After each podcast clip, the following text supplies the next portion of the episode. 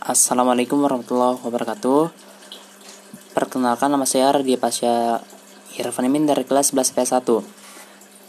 Di sini saya akan menjelaskan tentang desain disintegrasi bangsa dan apa penyebab terjadinya disintegrasi bangsa.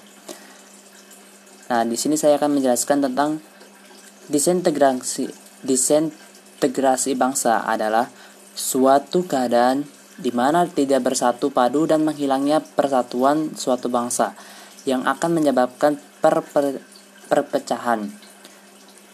Salah satu contoh yang bisa saya perhatikan adalah situasi yang di situasi yang terjadi di semenanjung Korea. Korea Selatan yang menganut paham demokrasi, sedangkan Korea Utara yang memilih ideologi komunis. Lalu, apa sih penyebab terjadinya disintegrasi. Lalu apa sih penyebabnya terjadi? Lalu apa sih penyebab terjadinya disintegrasi disent, disintegrasi bangsa? Yang pertama e, perbedaan ideologi. Yang kedua demokrasi yang tidak yang kedua demokrasi yang timbang. Yang ketiga iklim politik yang kurang sehat.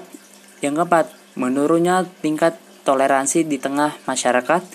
Yang kelima, kemajuan ekonomi yang terhambat. Itulah yang bisa saya sampaikan.